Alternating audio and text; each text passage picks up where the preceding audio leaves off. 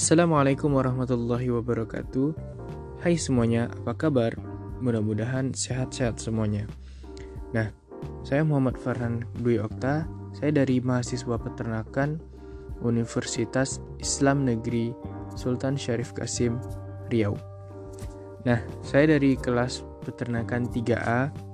Kali ini saya akan uh, uh, membawakan judul podcast yaitu efektivitas pemilihan metode dalam penyuluhan peternakan sapi potong di Desa Mekarsari, Kecamatan Agra Binta, Kabupaten Cianjur.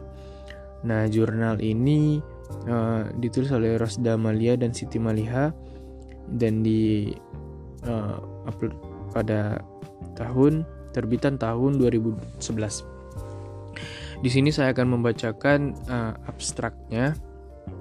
Yang pertama, Kecamatan Agrabinta merupakan salah satu kecamatan yang dijadikan sentra sentral bagi produksi sapi potong.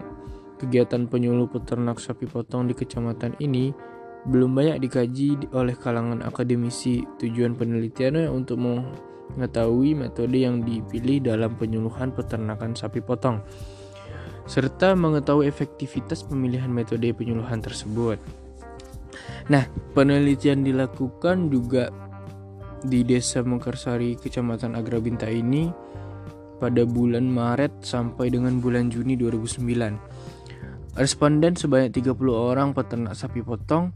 Data yang dihasilkan uh, penelitian dianalisis dengan statistik deskriptif dan uji T.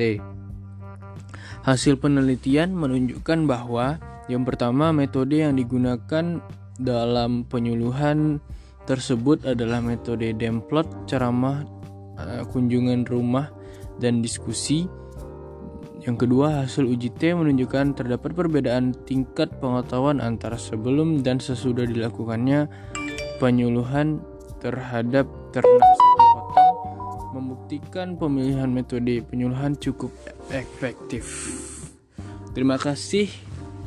Sekian, Assalamualaikum warahmatullahi wabarakatuh. Sehat-sehat semuanya.